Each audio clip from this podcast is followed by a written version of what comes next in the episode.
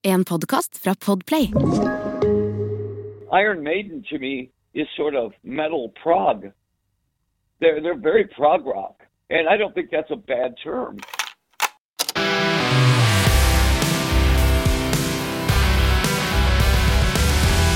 Gammal Maiden. Yes, venter da på at eh, Alice Cooper skal ringe til meg. det er jo helt sjukt. Vegard fra barneskolen, du som var sånn Alice Cooper-fan, vet du hva? Kjære Vegard. Nå skal Alice Cooper ringe til meg. Det er ganske spesielt. Fikk Vesta i går. Alice Cooper kommer jo til Norge snart, så uh, har du lyst på en liten telefonsamtale? Ja! Så klart har jeg lyst til å snakke med han fyren her. Han har Altså, ti år før jeg ble født, så var han rockestjerne. Alice Cooper Band. Og ja, har inspirert veldig, veldig, veldig mange i over 50 år. Det er helt sjukt. Litt nervøs òg, vet du. Gammalmiden Med Torkil Thorsvik. Hello, Torquil. Hey, Alice! How are you? I'm fine. How are you? I am great. We have a show tonight in Leeds, Okay. and uh, that that'll be our last British show, and then we come over to the continent. Aha. So um, you haven't come uh, overseas yet? Not yet. Uh, we well, I mean, you know, we're from America, so yeah, we came over Atlantic to get here, but uh, we haven't been over to Europe yet. You know. Okay. I'm looking forward uh, to the concert. It's on Tuesday, actually. Yes, all right. This band that I'm bringing in is the best band I've ever worked with. I mean, uh, my, my guitarist Nita Strauss, a female guitar player who uh, looks like a model and plays like Eddie Van Halen. uh, she she was voted guitarist of the decade in Guitar Magazine, I know. and my drummer was voted number one drummer in rock and roll a couple years ago. So this band is a monster band. And uh, how how long do you think you can keep Nita Strauss in your band? well, you know, I've already, I tell everybody in my band, if they get a chance to do their own, she has her own band too, you know, but it's not in the least bit as big as the, you know, audiences that we play with my, my band. So I tell everybody when they think they're ready, you know, to, to do their own thing, that feel free. It's, it's, um, there's never going to be any bad blood behind that.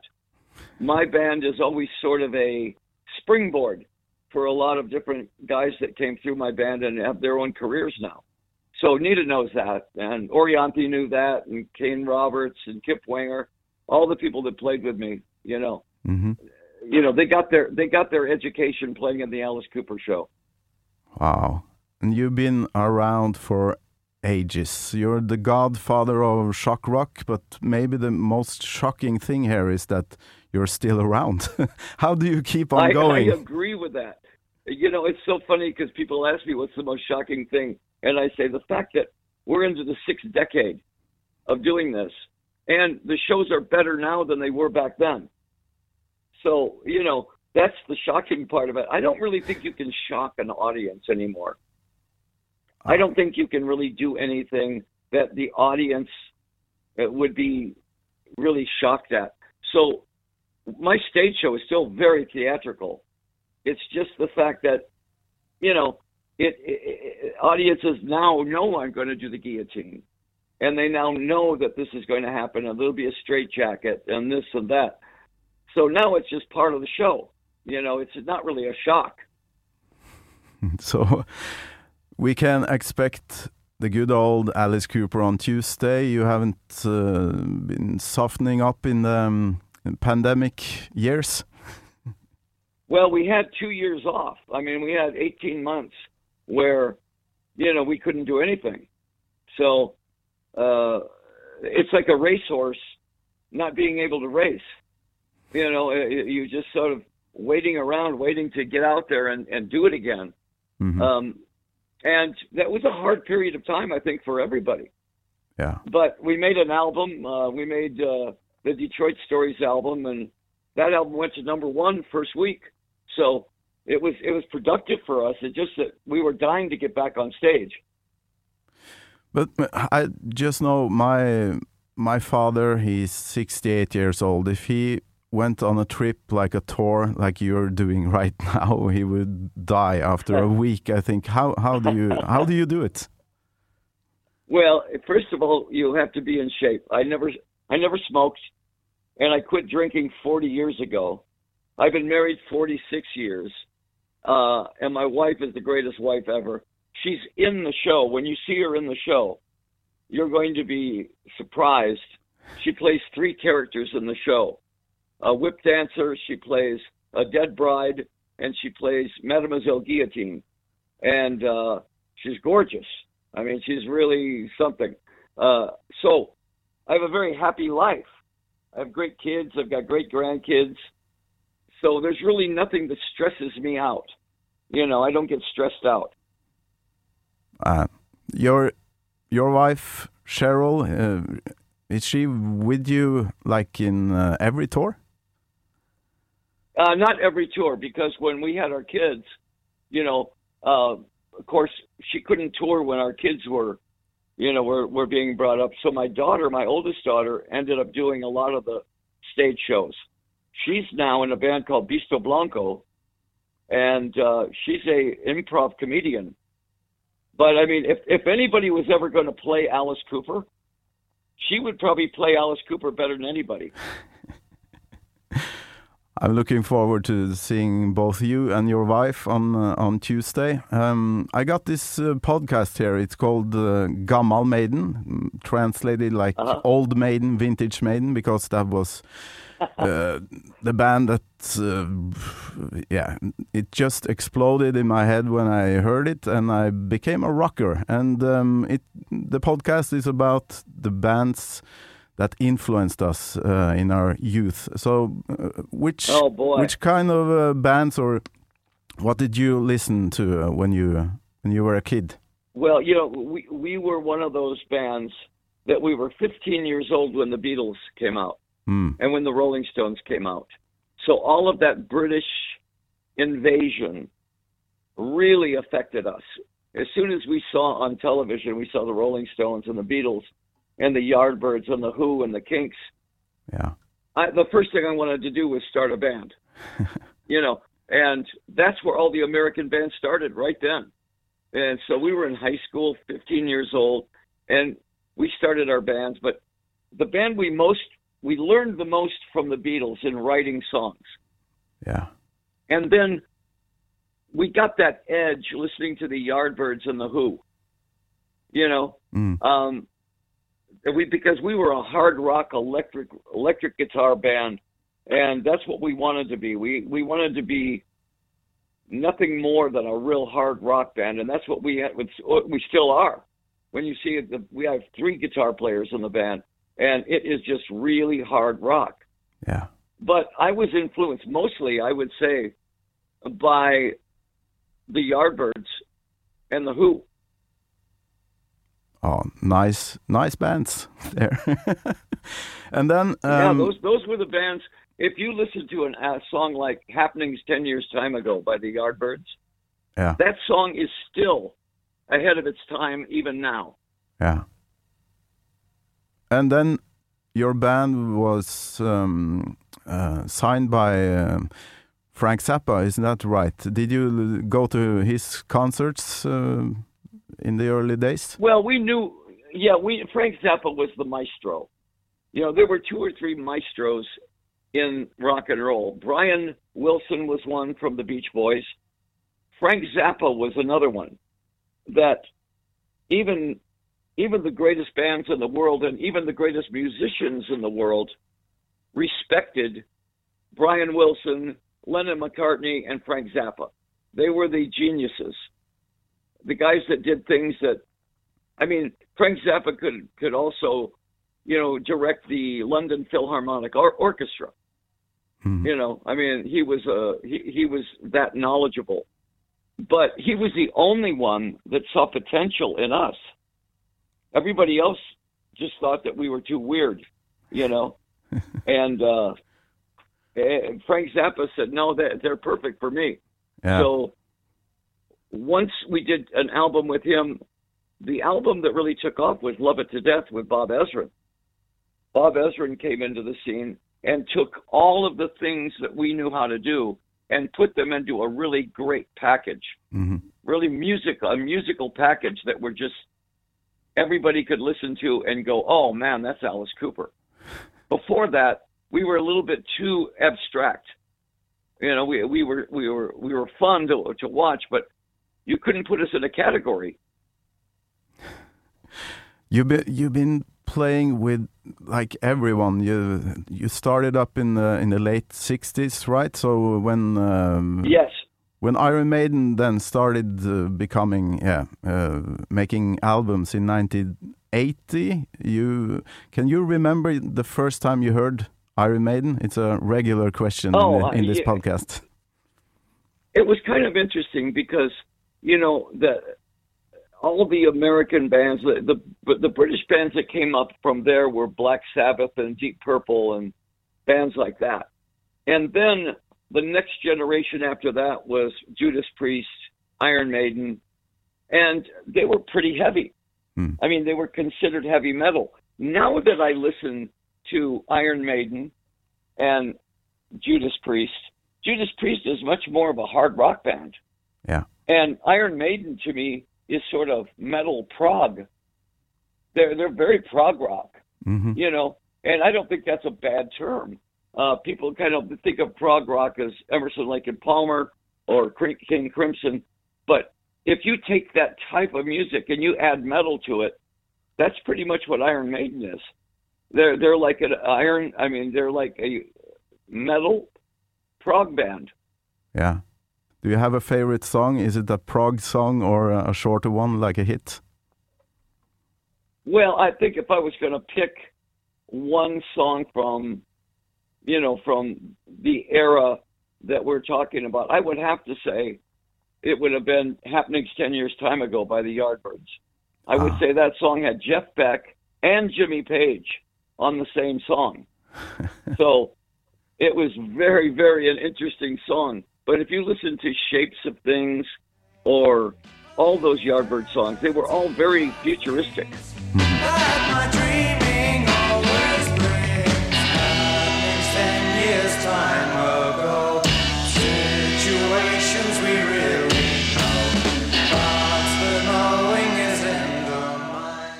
And if you uh, should pick one Iron Maiden song, would that be a prog? Well, if I was to, uh, yeah, Number of the Beast is. Well, I no. Let me think. They, well, that's that's kind of like picking your favorite Beatles song, right? Uh, I mean, because there's so many good ones. You know. Um, yeah, yeah. Oh boy, There are uh, so many.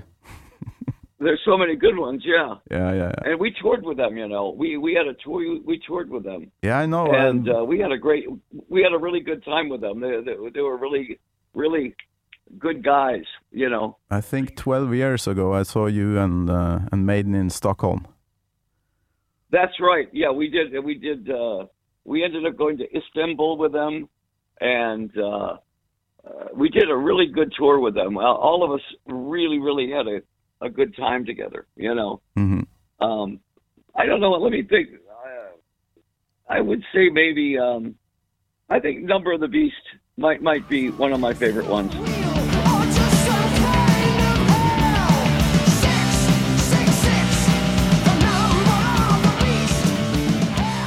It's uh, impossible not to think about that song when we talk about uh, Maiden here. yeah, it, it, it's sort of like if somebody says Alice Cooper, they think school's out. You yeah, know. yeah, yeah, yeah. Which I love, of course. so, uh, well, it was an anthem. Uh, you know, when when when I started studying what an anthem was, the very first anthem I think I ever heard was probably my generation Yeah. by the Who. Yeah. And that really made so much sense to us that they were talking about every 16 year old kid for the next hundred years would totally relate to uh, I hope I die before I get old. Yeah. Yeah. Yeah. You know, and the song itself with the big guitars, the power chords. I mean, if that wasn't one of the first metal songs, I don't know what was. and uh, the the stuttering um, like uh, vocals from uh, Daltrey. So Yeah, Ah, I love you know, it. the stuttering and the, you know all of that stuff really made sense to us. Yeah. We were still in high school when that song came out, so of course we learned it immediately.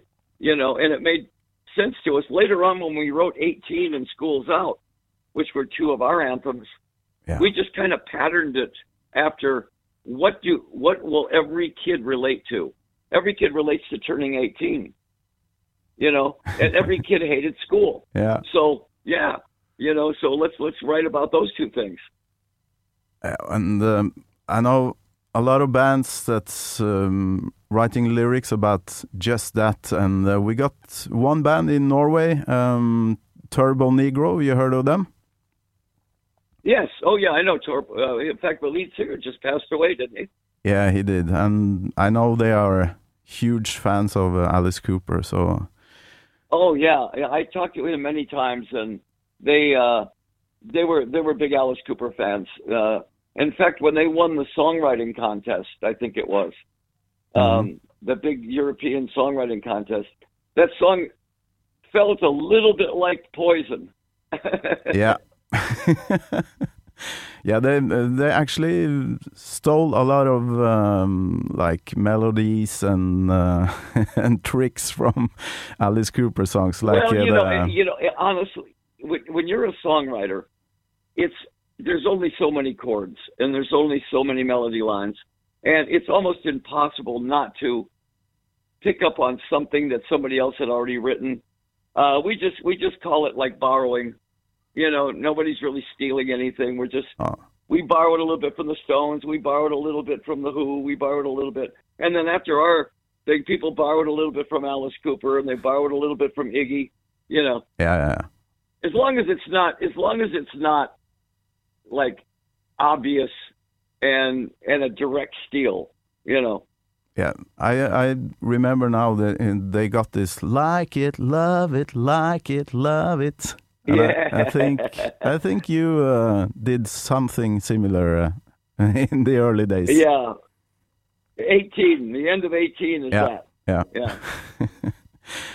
Ah, it's been uh, so nice talking to you. Um, congratulations with the album Detroit Stories. You um, you made that in the um, pandemic. Um, During during the plague, yeah, during- I call it the plague. the plague, and it's. Um, do you have time uh, to tell us about the the name Detroit Stories? Uh, why why that name of uh, the album? Well, you know, we we were going to make uh an album, a hard rock album, and the only place you can make a hard rock album is in the home of hard rock yeah, in Detroit. So when I got there, we decided not just is it going to be about Detroit, but let's use all Detroit players. Let's use the drummer from Mitch Ryder. Let's use the guitar player from MC5. You know, all of those things. I I just used all Detroit guys. I saw the list And, uh, uh, in on the album. Like you, you found every huge musician from Detroit there. I think. and and they were all so good that instead of layering the album, you know, normally put you put drums and bass down, then you put a guitar down, then you put this down. I just said this band needs to play live. Let's let's just they should learn all the songs, and they'll they'll do the songs ten times live, and we'll pick the best cut, the best take, and that's how we did it. Yeah. You're listening to a podcast. I'm Bruce Dickinson. You're not, and you're listening to Gammal Maiden. And I love the the album. It's so nice. Uh, do you think? Um, do you have more albums in you, Alice? Well, we just finished the next album. Ah, okay. and the, the album after that is about half done.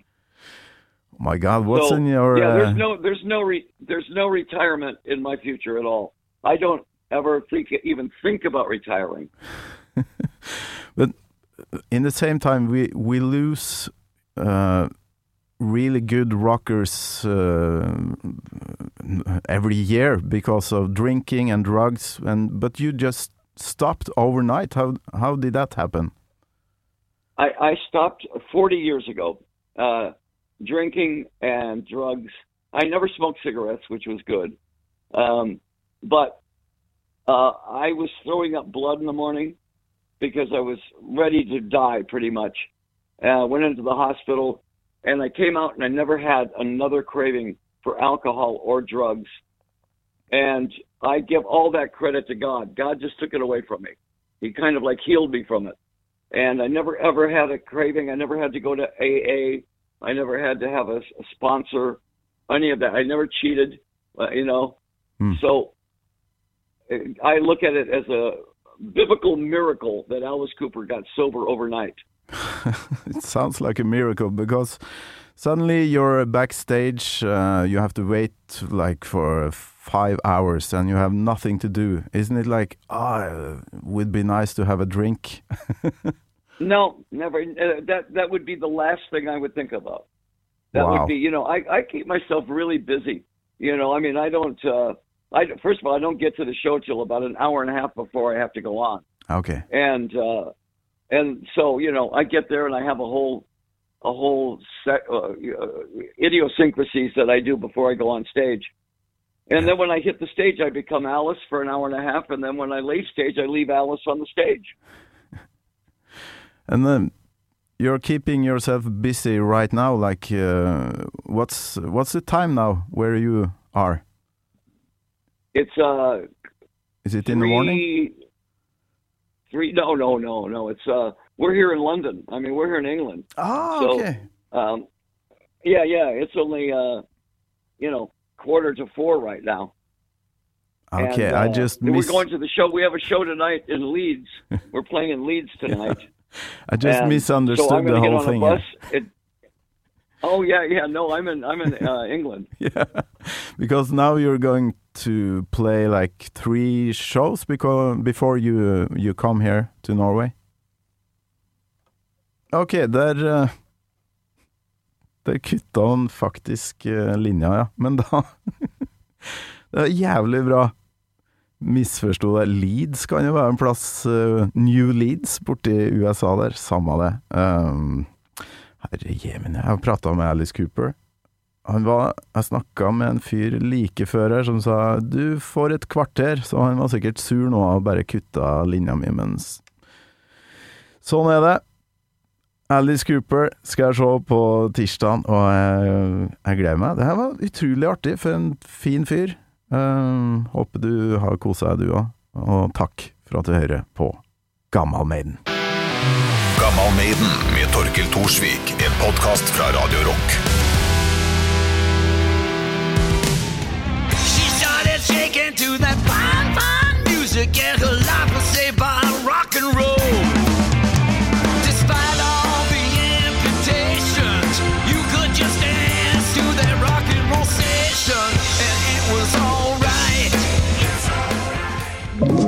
Du har hørt en podcast fra Podplay. En enklere måte å høre podcast på. Last ned appen Podplay, eller se podplay.no.